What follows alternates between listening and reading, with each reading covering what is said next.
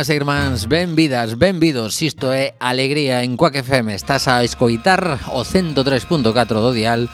Se andas pola zona da Coruña e arredores E se non seguramente nos estás a escoitar a través dunha aplicación móvil Da páxina web E incluso en redifusión. A min faime moitísima Non sei se chamarlle ilusión ou momento de impacto Cando encendo a radio soeme coincidir os, os luns eh, entre as 10 e as 11 da noite que temos unha redifusión de alegría e me escoito ali contando as batallas da semana anterior. Claro. Despois do desinformativo, sí.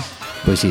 Bueno, pois eh, estamos felices de compartir un programa máis, estamos na vixésima tempada na Radio Comunitaria da Coruña, como dicía, e emocionados porque, emocionadas tamén, por suposto, porque mañá comeza o primeiro Congreso Internacional de Alfabetización Mediática no Paraninfo da Universidade da Coruña. As prazas eh, oficialmente xa están pechadas, pero hai espazo suficiente para quen queira asistir, que se anime eh, que se achegue ata o Paraninfo o xoves pola tarde, que ademais a sesión comeza ás 6 eh, aproximadamente a 7 teremos a proxección de Nada que ver, ese documental que estreamos en febreiro no Teatro Colón. Pero bueno, logo falamos con máis calma do que vai suceder no Congreso Xa llegamos un, un bo tempo a pasada semana Pero hoxe, pois, faremos un, un repaso tamén Por suposto, dicir que eh, o mundo da música pois perdeu a un, a un cubano moi coñecido eh, e moi inspirador para moita xente como Pablo Milanés, pero tamén hoxe eh, recibimos unha nova aos Roqueiros que, que nos tocou o corazonciño eh, Wilco Johnson que era pois casi un dos, dos dous eh, membros principais de o, Dr. Philgood unha banda roqueira mítica para, para moitos de nós pois falecía Era un home que xa lle deran un cancro terminal facía uns cantos anos e milagrosamente recuperouse dele, seguiu tocando pero hoxe xa pois soubemos que, que falecía. Lembro o seu un concerto no Playa Club seguramente mm, estivo máis dunha vez pero eu lembro un en concreto que me deixou cando era eu bastante novo mm, por poñer unha idade aproximada, pois ponlle os 22 de Tommy Desastre, eh, deixoume abraiado como tocaba ese home a guitarra e como facía que disparaba o público en plan metralleta, eh, era, era moi impactante ver a Wilco Johnson en directo, así que ímolo escoitar nuns segundiños en, en alegría, eh, acompañado de, de Roger Daltrey. Pero antes, Quería facer tamén referencia a que eh, eh, bueno, estes estes días de de, de algún xeito de reivindicación de que a lacra da violencia machista está moi presente na, na nosa sociedade eh, falarse moitísimo durante os vindeiros días a sabedes que o, o 25 de novembro é o, o día eh, no que de algún xeito pois, se fai esa reivindicación de que debe parar esta, esta lacra Eh, precisamente eh, onde eu coñecín moitos dos roqueiros dos que falo con, con frecuencia neste programa e en outros sitios foi no Ruta 66 esa revista case, case todos os meses onde a Merco é na, na rúa Alfredo Vicente que hai ali un quiosco cunha señora que mm, leva toda a vida lembro a mesma quiosqueira E xusto a semana pasada merquei a, a revista deste mes, de novembro eh, e sempre ten unha pequena conversa contigo, salvo que teña aí cola, pois parase un pouco a falar, non? Sobre todo cando ves que levas pois, unha, unha revista destas así e tal, eh, e me decía, estou preocupadísima, porque non te podes imaginar as conversas que escoito aquí que pasan rapaces de colexios que teño moi preto, o machismo absoluto que hai neses rapaces e incluso rapazas tamén, me decía, dos, en torno aos 15 anos, imos redondear. E de verdade que isto non, non, non escoitara estas cousas e mira que levo anos aquí. Co cal, pois, eh, non pinta ben a cousa. Bueno, eh, eso implica que nos teñen colocado un discurso. Por eso hai que ir ao, ao Congreso de Alfabetización Mediática. Pois sí. Eh, no, no sí, a ver, é evidente que... É unha cousa curiosa, porque non, os datos non os soportan, non?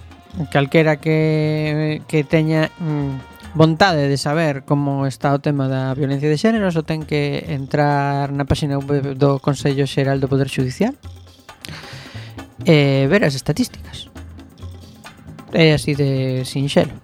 Que ao mesmo tempo as estatísticas son eh, algo moi frío, pero calquera que teña un buquiño de capacidade a ver, de, de reflexión... Se, non se quere saber a realidade, a, a verdade das cousas, eh, bueno, deixan ben claro que a violencia vaya que se ten xénero. bueno, pero é escandaloso. Eh, e que non miren as denuncias porque iso, non, que vayan as sentencias. Que vayan as sentencias firmes. Uh -huh. Eh, que eh, se levarán toda esa xente, toda esa, toda esa manga de negacionistas, pois se levarán sí. unha sorpresa. Non sei que dirán, dirán calquera cousa, porque quero dicir Eh, aquí o que hai detrás é moita, moito machito enfadado porque non ten o que quere non? O sea, é un pouco o movemento é un pouco o mesmo Eh, hai unha cousa que últimamente se, se fala dun, moi mal en dos medios de comunicación que é o movimento incel, non? Como, perdón?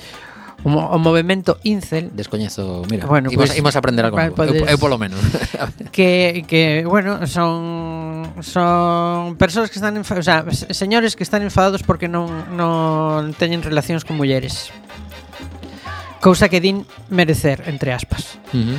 Pero que xa leva uns cantas, unhas cantas mulleres falecidas eh, se organizan como unha especie de movimento terrorista eh, ás veces, sí.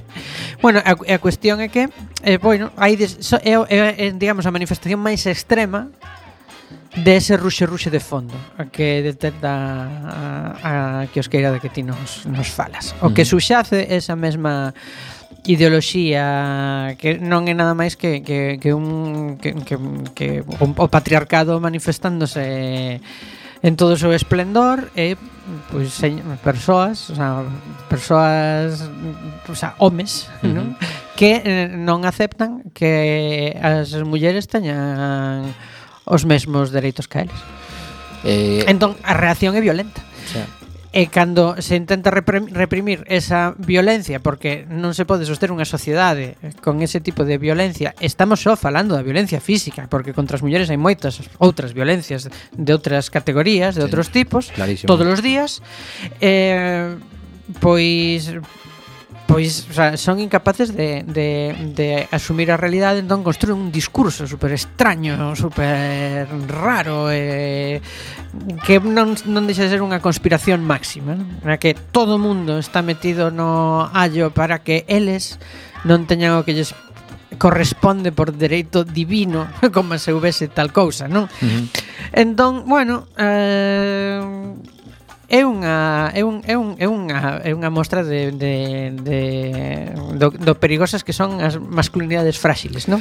Si, sí, eu estaba estes días reflexionando sobre o tema da, da esta reducción de de condenas que están mm, eh, aprobando eh, sentenzas a algúns suíces cando se, se reclama por parte de, de persoas condeadas por, por delitos de, de violencia sexual.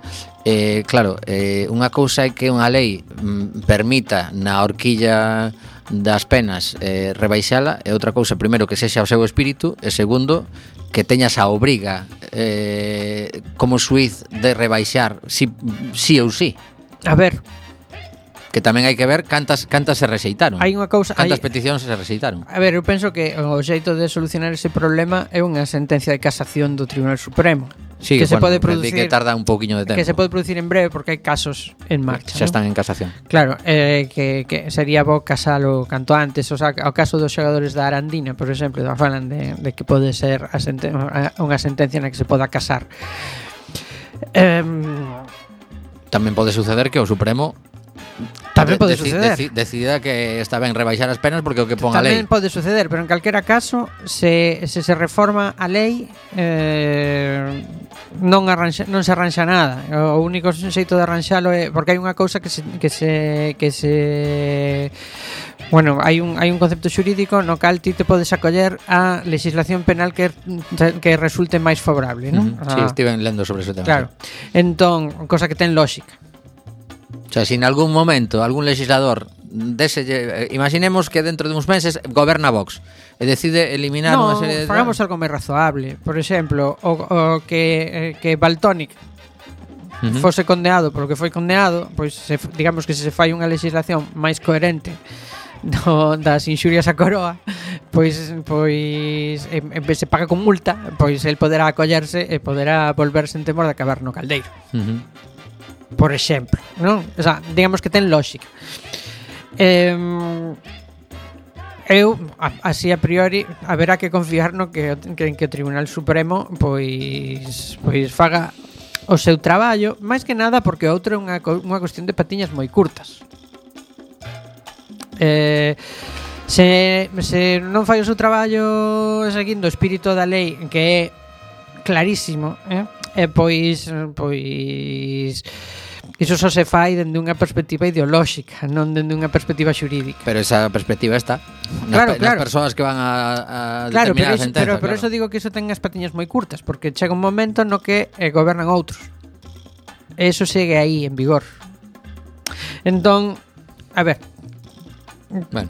Non adiantare, non adiantemos acontecementos, Exacto. xa veremos o que o que o que fai o Tribunal Supremo. Uh -huh. Eu así en principio supoño que que casará do xeito máis procedente, pero bueno. Ben, pois son as 7:13 minutos e agora sí, agora mereces poñer eh, no teu oído un buquiño do rock and roll deste roqueiro falecido, Wilco Johnson, en alegría. Alaimos, dalle aí a guitarra, rapaz.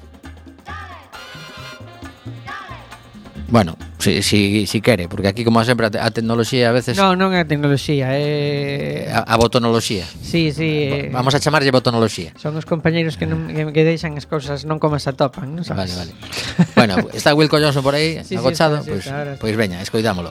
Alegría.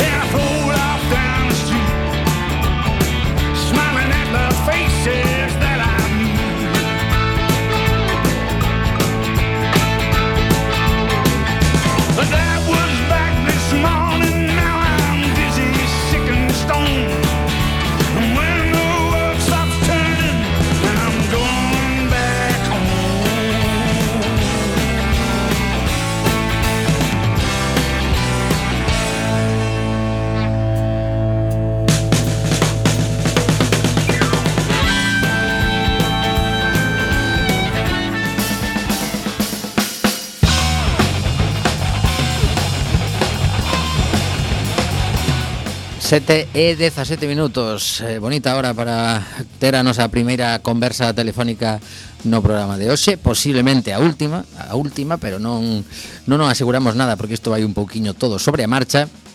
E outro lado do teléfono temos a Rodrigo Costolla Que ten moito que contar, xa veredes de que. Hola Rodrigo, boa tarde. Hai, boa tarde, que tal?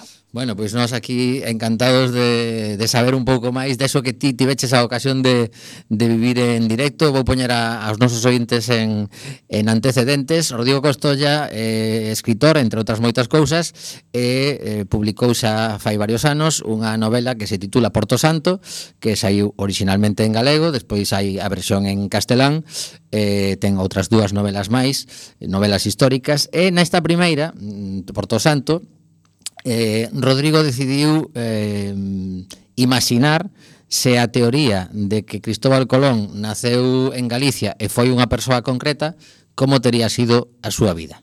Mais ou menos eh, vai por aí a cousa, verdade? Vai moi moi encaminhada, sí, efectivamente. Bueno, pois resulta que, como seguramente moita xente tivo ocasión de ver nos medios de comunicación este pasado luns, viviu un momento emocionante e tiveches a ocasión de estar eh, xa ao marxe de todo o, o tema histórico, ten que ser eh, un espectáculo mover esa, esa pedra de casi dúas toneladas. Contanos un pouco eh, e contalle a audiencia de que estou a falar para os que non se enteraron aínda. Bueno, pois outro día efectivamente, eh, despois de un traballo de moito tempo, de, de meses, promovido fundamentalmente pola Asociación Colón Galego, que ten a súa sede en Pontevedra, pois eh, conseguiuse exhumar eh, o, o corpo, o cadáver, os restos, vamos, funerarios, de un home que morreu en 1496.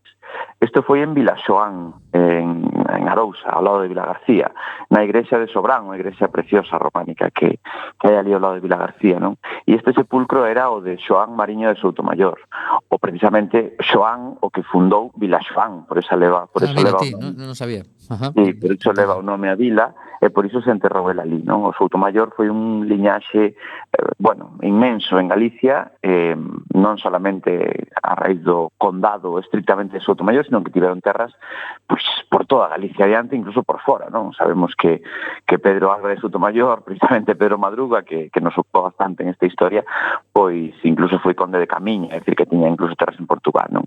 E a terra de, de Arousa, pois ten moita significación. Eh, de ali era Paio Gómez Chariño, por exemplo, que tivo un protagonismo absoluto na reconquista eh, de Sevilla aos musulmáns no século XIII e este foi tamén un souto precedente, non? Un, almira, un dos almirantes da, da familia. O que eu vivín outro día foi iso, non? Abriron, efectivamente, ese sepulcro, ese sepulcro do século XV, e, eh, e eh, sin saber o que había dentro, claro. Tratábase de ver que había dentro, si había restos que permitisen facer un análise de, de ADN para poder comparalo. E sí, foi absolutamente, bueno, pues totalmente emocionante ver como saían eh, trozos de cráneo, saíron fémures enteiros, saíron húmeros, tibias, falanges, metacarpianos, bueno, en fin. Como facía de salir? Había, había unha especie de, mm, de aplauso colectivo cando se a un oso ou como era? era unha especie de festa, de silencio, como, como era a? A ver, unha, unha expectación, a ver, non hai que olvidar que estábamos dentro dunha igrexa e aínda que, bueno, pues que supoño que ali habería de todo, os que non cremos en nada e os que creen moito, non, pero en calquera caso un lugar que non invita tampouco a facer moito barullo, non? E, e claro, non hai que esquecer tampouco que era un acto científico, é dicir, que ali estaban traballando os arqueólogos eh, baixo a supervisión da, da antropóloga eh, bueno, e os diferentes historiadores que estaban ali tamén, non? Entón, máis que máis que aplausos, digamos que había unha expectación enorme, houbo moitos abrazos, moita emoción, moitos eh, ollos brillantes, eh, foi un momento a verdade, que máxico para todos os que levamos traballado tanto eh, en torno a esta teoría, non como decías ti antes. Uh -huh. Imos, imos eh, para situar a, a xente que nos está a escoitar, eh, en principio este Xoán, este que, que apareceron eses osos que nos acabas de comentar, eh, que relación tería coa linaxe de Pedro Álvarez de Soutomayor? Bueno, hoxe saía publicado, vin hoxe un artigo que indicaba que era o seu irmán. Eh, bueno, eu, a verdade que me sorprendeu moito esa noticia, eu penso que non. Eu que eu saiba non había ningún Xoán Mariño de Sotomayor, irmán de, de Alvar, eh, Alvar, eh, ya, o sea, Alvar de Soutomayor, vamos, o, o anterior conde, nin, nin fillo de Fernán e Anes, eu penso que, que non que a verdade que non non era, non. Pero onde, era un onde liches esa nova porque ás veces pues, tirando tirando de quen publica as cousas, pois pues, o mellor xa empezamos a sospeitar que hai pouca credibilidade. Non, non estou seguro, era un dos xornais principais de Galicia, non sei se no Faro, se na Voz, non o sei. En calquera caso era un familiar moi cercano, moi cercano en, pri, en primeira liña de, de vamos, de, eh, de parentesco, non? Uh eh, -huh. eh, sabes decir, cantos anos tiña cando faleceu este home? Sí, eh, tiña 60 anos cando faleceu, en ano, no ano 1496, que por certo a antropóloga, cando sacou un anaco de pube, eh, pues confirmou non que era, era masculino e que estimaba a súa idade en torno a uns 55 anos, entón claro, que coincidía. Que, que vista, que vista ten a antropóloga. Sí, bueno, evidentemente, claro, é dicir, date conta que son especialistas absolutos, non? É dicir, o equipo este de, de antropoloxía forense eh, son os que van levar a cabo a Universidade de Granada, vir desde Granada ata Vilaxoán para levar a cabo isto quere dicir que, que non ven calquera, non? Que ven un, bueno, veñen especialistas máximos na materia que é como debe ser, non? Absoluto rigor científico para que non haxa, bueno, pois pues eso, non? Que non se achaquen, eh, en fin, fallas eh, eh, de veracidade na, na, na teoría, como se fixo tantas veces ata agora, non? Uh -huh. eh, entón, bueno, pues este home, pues parece ser que todo apunta a que sí, a que él, que o sepulcro estaba intacto desde o século XV, e eh, agora trátase de facer o análise de ADN e de comparar. Eh, é, unha, é un paso máis. Eh? Si, se, si sae positivo a, a comparativa, sae positiva, pois... Espera un segundo, tú... espera un segundo que mellor a xente non sabe con quen están comparando, que isto é un, ah, un dato importante. Claro, é posible. Mira, vamos a ver, aquí hai unha, desde hai cent, máis de 130 anos, eh, houbo historiadores, investigadores aquí en Galicia que empezaron a sospeitar que ese personaxe eh, coñecido por todo o mundo, pero ao mesmo tempo non coñecido por ninguén, ese personaxe que se chama Cristóbal Colón, que tal vez que ninguén sabe realmente a ciencia cierta de onde foi, nin, nin, nin quen foi, nin nada disso. É dicir, é un personaxe que todos os historiadores serios están de acordo en que non se sabe quen foi realmente. Eh, que por algún motivo, bueno, pues tamén incógnito, eh, de alguma maneira, el mismo tratou de ocultar as súas orixes, vale? Entón, Cristóbal Colón, de un, bueno, pues desde sempre suscitou, nestes últimos pues, 500 e pico anos, suscitou pues, moitas preguntas, non? E, e a comunidade bueno, pois cultural e científica fíxose moitas preguntas, non? O caso é que de un tempo a esta parte, como se digo, máis ou menos no último século, as sombras foronse despexando, máis ou menos, e eh, apareceu entre todas as teorías unha con moita forza. Con moita forza quer dicir con moitísimos indicios que apuntan á súa veracidade, non? E esa é a teoría de que tuvo que ser un, un nobre, un señor de alta nobreza, eh, que naceu e viviu pola zona de Pontevedra, de Pontevedra capital, non? Eh, hai moitísimos indicios, demasiados como para pensar que, que, que non, Eh? Dende logo, Xenovés non podía ser, por suposto, e todas as outras teorías que hai, Ibicenco, Mallorquín, bueno, en fin, eh, catalán, tal, pois están collidas completamente con alfileres, é dicir, teñen un par de teorías dubidosas, sabes, de argumentos máis que dubidosos, eh, mentras que a galega ten dúcias de probas tremendamente sólidas, non? Entón, a, a, a xente que está traballando na, na Universidade de Granada eh, ademais desta comprobación na que estamos actualmente, da que acabas de falar, están facendo algunha outra comparativa de ADN con esas outras teorías das que acabas de comentar, eh, catalana, ibicenca, etc., ou, ou eh, por agora por aí non tiraron? A ver, eh, de momento está intentando comprobarse si esta eh, ten fundamento, a teoría galega. Por qué? Pois porque realmente, insisto, é a única que en nos outros campos, eh, eh, en un montón de terreos distintos, desde peritases caligráficas, eh, evidencias documentais, referencias eh, de documentos da época, desde os topónimos que adxudicou as terras que iba descubrindo alá en América, dende a linguaxe que ele empregaba, como escribía nun castelán antigo con máis de 500 xiros galego-portugueses, non sabía falar italiano, non sabía escribir italiano, en fin. Eh, é a única teoría realmente que ten suficiente forza como para que se leve a cabo esta análise. Que resulta que mmm, comprobamos xa a primeira palada brota ouro e resulta que comprobamos que pertencía a esa familia do Souto Mayor, pois hai moitísimo camiño andado. Que resulta que non, que se di, mira, non non eh, pertencía a esta familia, pero polo perfil de ADN, pois estimamos que por similitudes e tal, estimamos que sí podía ser de outra familia da mesma zona. Bueno, en fin, eso teñen que determinar sí, pero, os científicos. Unha, unha cousa máis, eh, porque se si non me equivoco, fai outros, eh, non sei se si 10 días ou así, tamén estiveron en, en pollo con, con outros osos humanos, pode ser? Tamén. Sí, sí, sí, efectivamente. O que pasa é que de pollo eh, digamos que é un muestreo moito máis aleatorio. A, aquí en Vila Xoán íbase a unha tumba en concreto dunha persoa en concreto. Mm? Eh, lóxicamente, supoñendo que nestes mm, 500 eh, pico anos pois que non, non se tocou a esa tumba, non? non se sacou a persoa que había ali para meter a outra e demais. Todo apunta a que efectivamente segue sendo a persoa que se enterrou ali. Non? En Pollo fixose un muestreo, unha cata. Non? Vamos a ver o que sacamos, vamos a ver se encontramos algo, porque é probable, din os historiadores, que nesa zona de enterramentos pois se enterrase algún membro desa familia.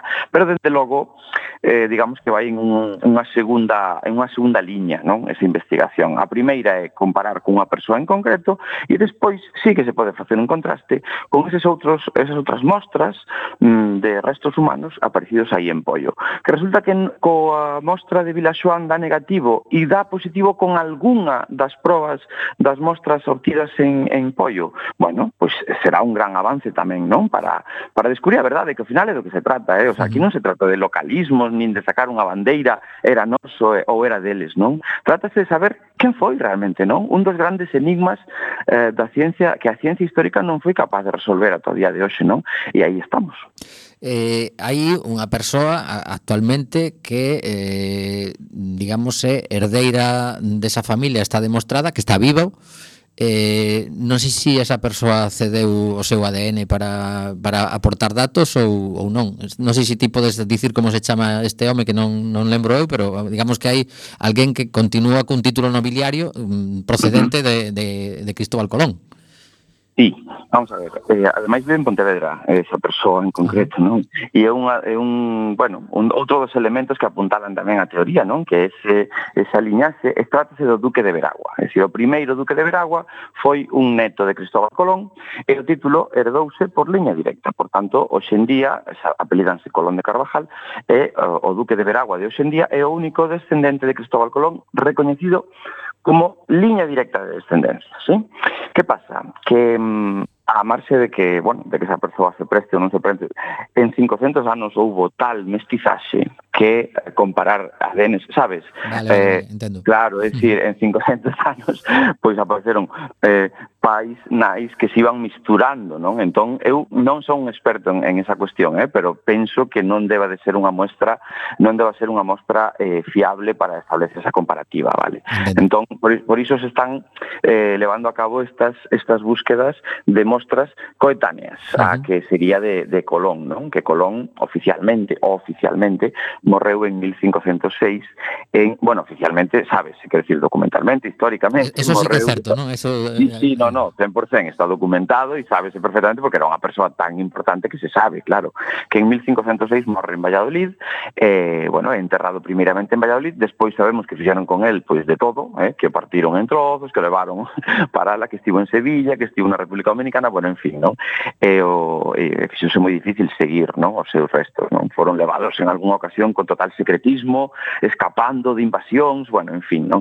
Eh, pero sí, eh, ahora vais a comparar esta mostra que se atopou en, en Vilaxoán co que temos de restos de Cristóbal Colón que son nada, apenas uns anaquiños pequenos de oso que quedan na Catedral de Sevilla, non? Tamén hai algo, tamén hai un pouquiño alá na República Dominicana, porque como che digo, o cadáver foi incluso partido, non, en trozos, non? Está comprobado que os, os restos de Sevilla coinciden en ADN cos de República Dominicana ou iso non se comprobou? Sí, eso está comprobado, é a mesma persoa e iso é o que fixo, a ver, e iso é o que fixo deducir que ten que ser Cristóbal Colón, non? É dicir, aquí hai unha tumba en Sevilla que din que é de Cristóbal Colón na catedral. Hai unha tumba en República Dominicana que din que é de Cristóbal Colón. E hai tamén quen di que sí, que están nos dous sitios porque en un momento determinado, escapando de alá, pois trouxeron os restos para aquí eh, parte deles, non? Bueno, todo eso estaba un pouco en solfa ata que, efectivamente, como ti dis, se fai a comprobación e se di, sí, sí, é a mesma persoa. Bueno, pois entón ten que ser, ten que ser Cristóbal Colón. E ese é o elemento de referencia, porque se vai comparar preparar o que se o que se atope de momento aquí e xa veremos o día de mañá. É dicir, se si todo isto vai dando negativo, pois pues, ao mellor efectivamente acabamos acabamos en Xénova ou ao mellor acabamos en, non sei, en Ibiza. Xa, xa, xa. Pero bueno, xa te digo, en principio a única teoría que ten suficiente forza como para afrontar un análise de ADN e a que leva moito tempo pelexando porque outras teorías escapan da análise de ADN. Non queren baixo ningún concepto. Iso xa é bastante ilustrativo tamén, non? De que ao mellor confían bastante pouco no que poida sair de aí. Uh -huh. eh, dicir que, que todo isto foi o que, bueno, a, antes de que deste de momento actual foi o que se levou a, a escribir esa, esa novela da que falaba Porto Santo, eh, aínda que finalmente pois coincida eh, ou non eh, que, que a teoría se, se confirma, ti xa disfrutaches moitísimo escribindo esa novela. Quer eu non escribín un tratado, nin un ensaio, nin unha tese de doutoramento, non? É dicir, eu escribín ficción, unha novela. E que, que foi o que eu novelei? Bueno, pois, novelei unha vida de ficción baseándome na hipótese absolutamente fascinante de que esa teoría fose certa, non?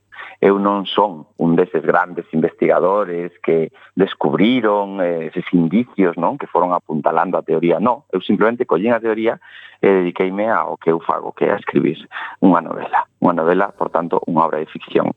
Iso sí, eh, cando escribes unha novela histórica tes que, claro, tes que afondar moitísimo, non? Eh, no, no tema sobre o que vas a escribir, lóxicamente, nesa época, en todos os personaxes que saen, en todas as súas vidas, os feitos históricos que enmarcan eh, as tramas, eh, eh esa liña de tempo, e eh, polo tanto, digamos que mm, profundicei moito, moito, moito nesa teoría, non?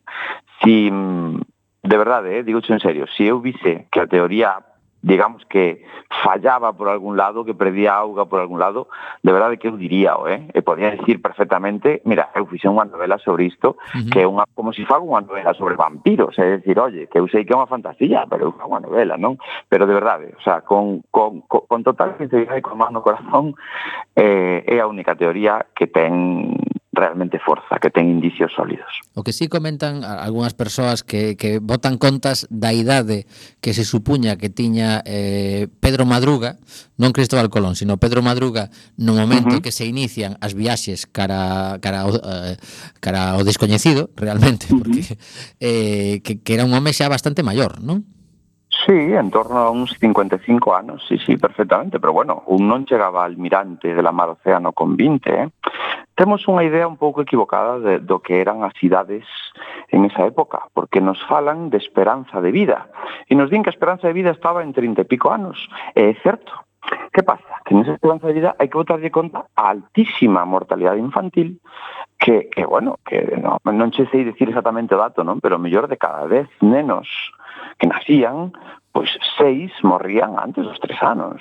Entón, a hora de calcular a media, que é como se fai o cálculo da esperanza de vida, a idade media de falecementos dunha poboación determinada, claro, sai unha media moi baixa, pero as persoas que chegaban á, a senectude chegaban como chegan hoxe, máis ou menos, que decir, máis queimadas, se levaron unha vida peor, si comeron peor, si pasaron penurias, enfermidades ou fame, pero dende logo, claro que podía chegar aos 55 anos con total con total vigor. Mira, eh, cando se fala da morte de Cristóbal Colón, eh, a, a descripción que fai unha persoa que estaba presente fai unha descripción estimándolle uns 75 anos.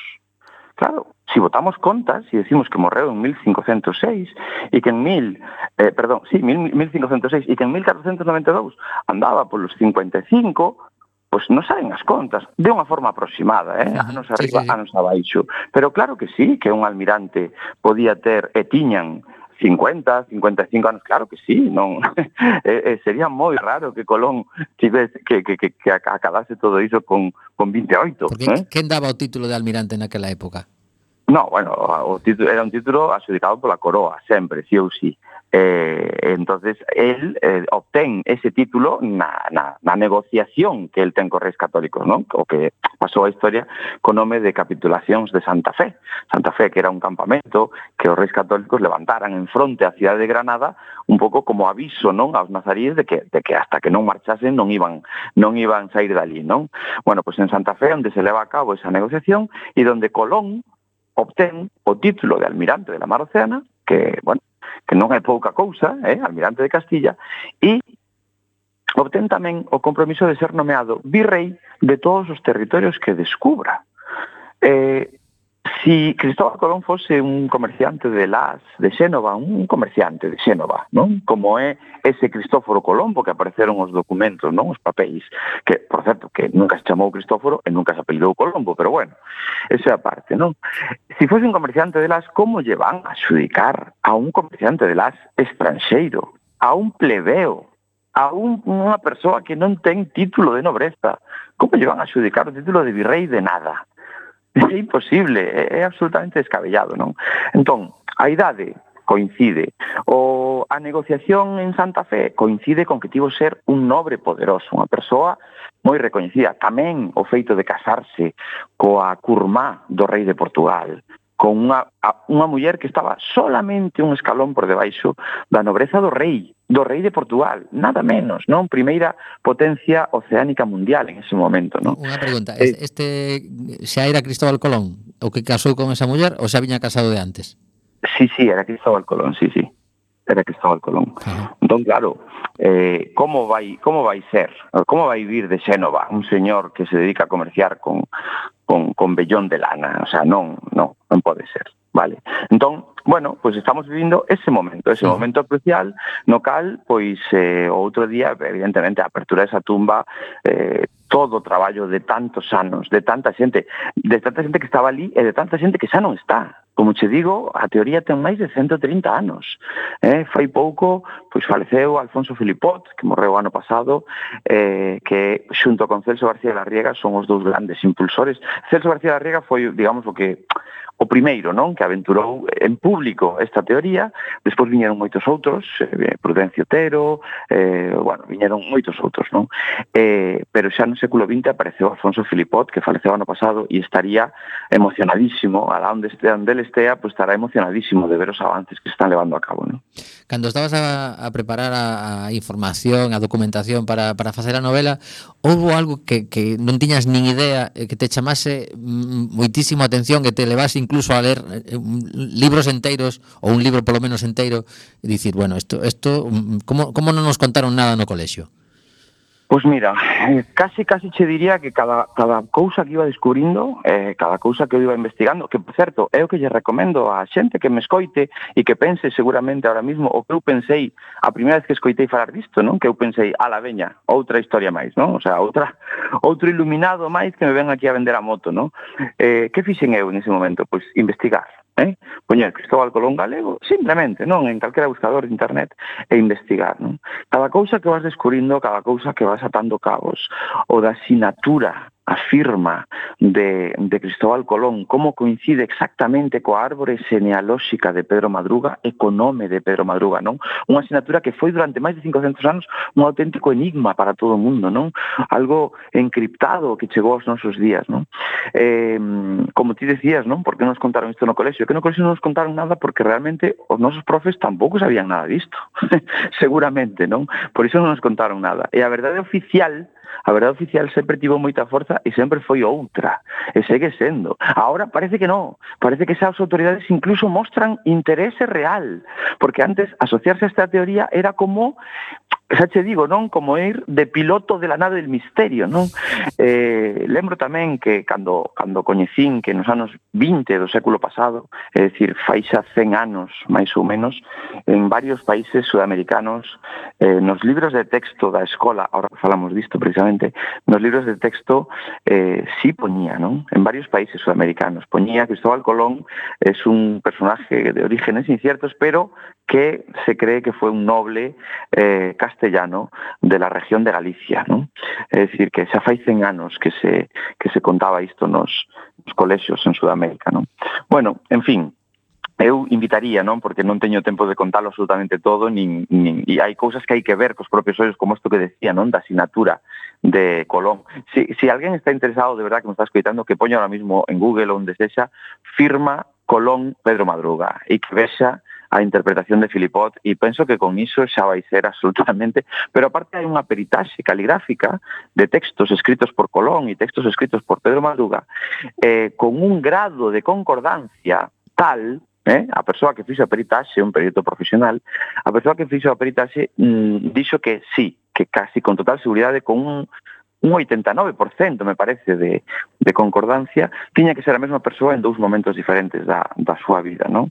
E dadevos conta que esa porcentaxe de acerto de concordancia sería aceptada como proba en un xuizo no Estado español, nada menos. É dicir, son demasiadas cousas, como che decía, demasiados indicios e demasiados sólidos como para pensar que todo isto é unha casualidade ou un desvarío. Vai a última pregunta. Resulta que ti te atopas con esta superhistoria eh, para a túa primeira novela. Claro, o nivel de expectativa que se, que se xenera é moi alto, pero a, a idea é seguir escribindo. Eh, supoño que, que costa atopar eh, eh un, un pelotazo, vamos a chamarlle así, como, como este, ou atopaches algún máis?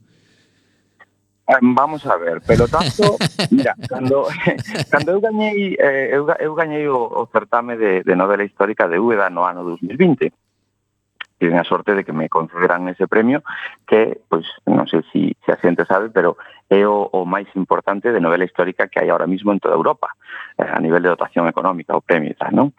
Bueno, é dicir, cando eu cheguei ali, eu eh, non cheguei con Porto Santo. Eu cheguei coa seguinte novela, eh, Misarela, ou, bueno, en castelán, en Úbeda, gañou co título de El custodio de los libros. Eh, en esa novela tócase o tema, aínda que solamente de refilón, non como en Porto Santo, que é absolutamente protagonista, tócase o tema de refilón, eh, ali ninguén escoitara falar nunca nada desa teoría, non? E cando eu comentei ali, Eh, eh, difundín eh, e tal. A verdade é que vin as caras, hubo xente que quedou absolutamente pálida cando eu comentaba todas estas estas probas, estes indicios, non? E algúns compañeiros escritores de novela histórica, que aquelo pues, unha gran festa da, da novela histórica, non? Viñan e me decían así en tono de confidencialidade qué valiente eres, sabes? Qué valiente eres. Es decir, que é un pelotazo e, digamos, un risco tamén, ¿no? De que te etiqueten de, eh, insisto, ¿no? De, de la nave del misterio, ¿no? E nada máis lonxe, porque, bueno, eu, a verdad que me gustan as historias que non nos contaron, pero as que teñen tintes de veracidade, ¿no? Eh, acabo de rematar agora a miña cuarta novela, acabei nestes días, bueno, sigo retocándoa e tal, pero digamos que está en, xa podría ser presentable, mínimamente presentable, non? Bueno, acabei nestes días sobre un feito que non é tanto pelotazo ou sí, depende a quen yo contes, non? Obviamente Cristóbal Colón é un personaxe conocido en todo o mundo, sin dúbida, non? Ti falaslle a xente de, de, de, sei, de Carlos II, a ver alguén que saiba, a ver alguén que non, pero fora de España casi ninguén vai saber quen foi Carlos II, non? Mentre que ti falas de Cristóbal Colón en Bolivia, en é igual, non? En Marrocos ou, ou en Taiwán, e a xente seguramente vai saber quen foi Cristóbal Colón, non? Entón, un pelotazo esa magnitude a nivel mundial posiblemente non, non? Pero a novela esta que, que acabo de escribir agora, a verdade é que tamén, non? Tamén é, tamén se contan unhas cousas alucinantes, non? Cousas que non nos contaron, non? É dicir, Felipe II, ese gran rei, o, o, o rei que, que foi eh, eh, o soberano do maior imperio que existiu nunca na historia da humanidade, non? El chegou a dominar territorios que como con unha extensión como nunca dominara ninguén, nunca na historia, nin dominaría despois tampouco, non? Bueno, pois ese rei, ese rei todopoderoso, ese rei que conseguiu, bueno, pois fitos absolutamente memorables, mandou ao seu mellor home, ao seu cronista eh, escollido, a Santiago de Compostela para que roubase o corpo do apóstolo Santiago, non? E que yo levase a él ao Escorial. No Escorial, isto non é ningún secreto, nin é ninguna teoría. Podes ir ali e velo. No Escorial hai 7.000, máis de 7.400 reliquias de santos, non? Cabezas, corpos, un pelo de Jesucristo, unha coroa da espiña, perdón, unha espiña da coroa de espiñas que lle puxeron na cruz, bueno, etcétera, non? Eh, pero a reliquia que el quería realmente era esta, a de Compostela, a, do, a de Santiago Apóstol, non? Bueno, pois non sei se é un pelotazo do nivel de que Cristóbal Colón pois realmente é unha persoa distinta da que nos contaron, pero eu penso que tamén, que tamén ten moita forza, non? Bueno, Rodrigo, pois nada, que alegrome de que sigas disfrutando con, con esa paixón que tes pola escritura eh, seguramente, pois, eh, ao mellor alguén da, da xente que nos está a escoitar ou agora mesmo ou nas redifusións pois acabará meténdose en Google e dicindo, bueno, pois a ver se si isto que nos acaban de contar ten, ten algo de, de veracidade ou se lles foi a pinza ou seguramente seguiremos escoitando pois como evoluciona esta investigación da Universidade de Granada eh, e eh, saberemos eh, se o que contas na novela pois se aproxima o que pudo, pudo suceder eh, naquela época ou mm, hai unha variación importante e terás que escribir outra. Exactamente, o importante é que, é que se vaya descubrindo a verdade é o máis importante, non? É dicir, aquí temos unha novela, eu penso que para disfrutar, independentemente de, de que se comprobe a súa veracidade, ou todo o contrario, eh, é unha novela para disfrutar, penso, non? Unha novela pois eso, que engancha moito, que ten moito ritmo. Eh, sí. No caso de que efectivamente pois se desbote esa posibilidade como absolutamente improbable, bueno, pois efectivamente, haberá que seguir investigando eh, e teremos que escribir unha nova novela, non?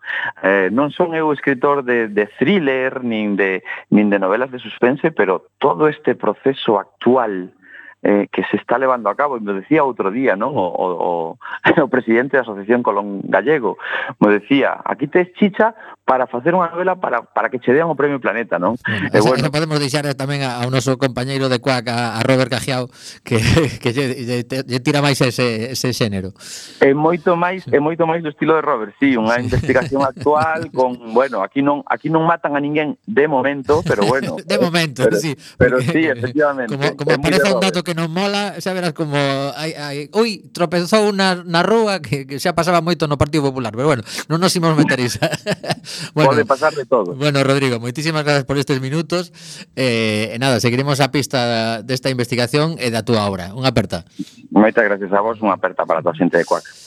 Bueno, pois nada, xa, xa vedes que no, no mundo hai moito por descubrir aínda eh, e realmente está claro que, que nos, nos séculos de que se escriben as, as cousas se van pasando de, de libro en libro de, de texto, pois eh, a, a realidade a veces pois desmonta cousas que aprendimos. Bueno, a ver, que de ratificarse a tese, a teoría é que eh, o propio o propio interesado era o que ocultaba uh, todo. Quero dicir, e, e, e ten unha explicación que aparece no libro, claro. motivos para facelo. Claro, entón, claro, claro. Eh, claro, Pois ten, sen, eh, ten un certo ti, ti lees o libro dis, pois te, isto, isto que argallou este Rodrigo ten lógica. Hai un modus operandi que ten lógica. Sí, sí. Bueno, hai un hai un hai un hai unha motivación, hai un móvil, non? Que Efectivamente, ten... sí, sí. Bueno, pois pues nada, deixamos aí, quedan sete minutiños de programa nada máis, a verdade que estendímonos nesta historia porque tampouco, tampouco falamos tanto dela, pero realmente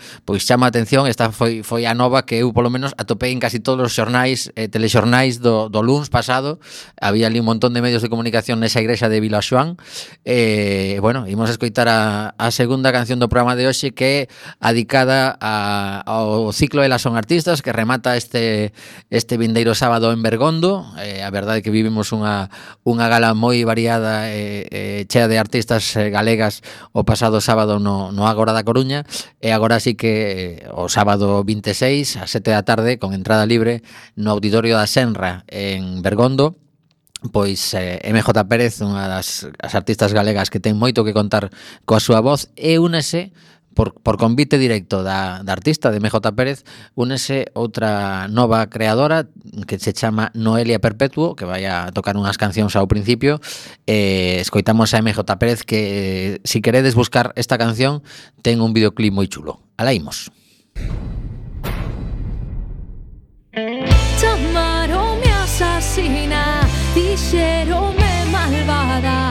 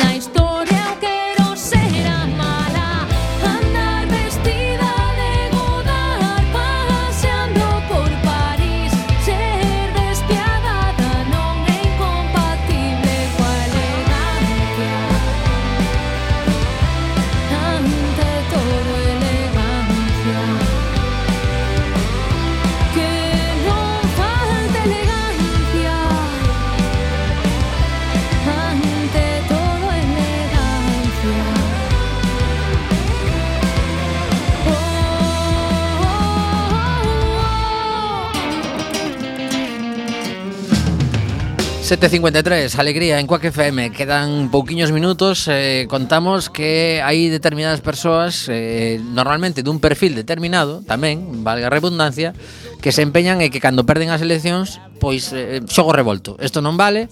En este caso temos o amigo Bolsonaro que está aí ñiqui ñiqui, ñiqui ñiqui. Que, que lles pertence tamén. Eh, o do dereito de, no, o abuso do dereito divino, eh? É un abuso de vino, máis que de dereito. O presidente Bolsonaro pide a anulación parcial das eleccións que perdeu frente a Lula. O recurso presentado polo ultradereitista este martes ante o Tribunal Superior Electoral demanda invalidar os votos das urnas electrónicas máis antigas. O que se lle ocurre que dice, bueno, pois pues esta, esta tecnoloxía que tiñan unhas, unhas furnas non, non era do meu gusto. Buscando, está buscando que sexa, non? Que, que, que, cosa máis... Bueno... Supoño que aceptar cando tes 67 anos que te gañe un de 77, pois é difícil aceptar ou, ou simplemente eh, unha derrota por parte deste tipo de persoas mmm, con ese eh, esa sensación de que eles teñen a razón e que os demais están todos equivocados, pois pois evidentemente Non, eu penso que saben perfectamente que non teñen a razón. A cuestión non é esa. Ti crees? Sí. Eu penso que a cuestión é que sabe que o tema foi moi parexo, que estivo moi igualado. Bueno, ao final parece que non, pero claro, que é que un país tan grande, un país moi grande. foron 2 millóns e pico de votos. Claro, nun país moi Parece que non, pero pero un país moi grande. Sí, sí. Eh, eh entón eso é ui, non? Entón, pois Bueno, andar aí fedellando. Eh. Non, ese non, eh, supoño que, que, que, se, que se non fixo cousas peores é porque non ten non ten capacidade para ir para elo, cousa que é unha boa nova. Xa. Sí, aquí habría que, habría que ver cantos votos computaron eses... Eh... Porque en Latinoamérica, desgraciadamente, mm, ese tipo de persoa tendía a poder facer outras cousas peores tamén é certo.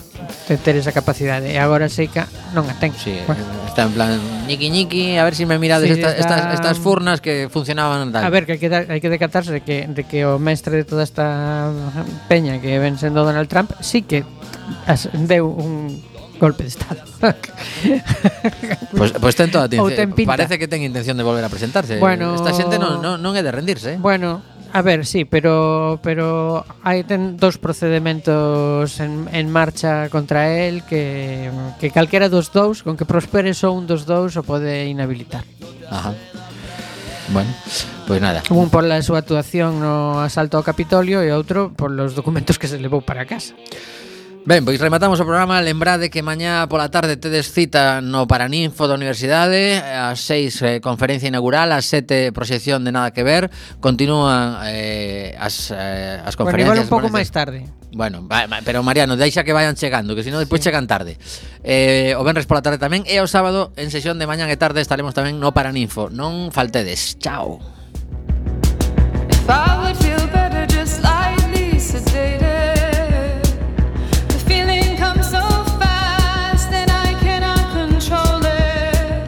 Amor.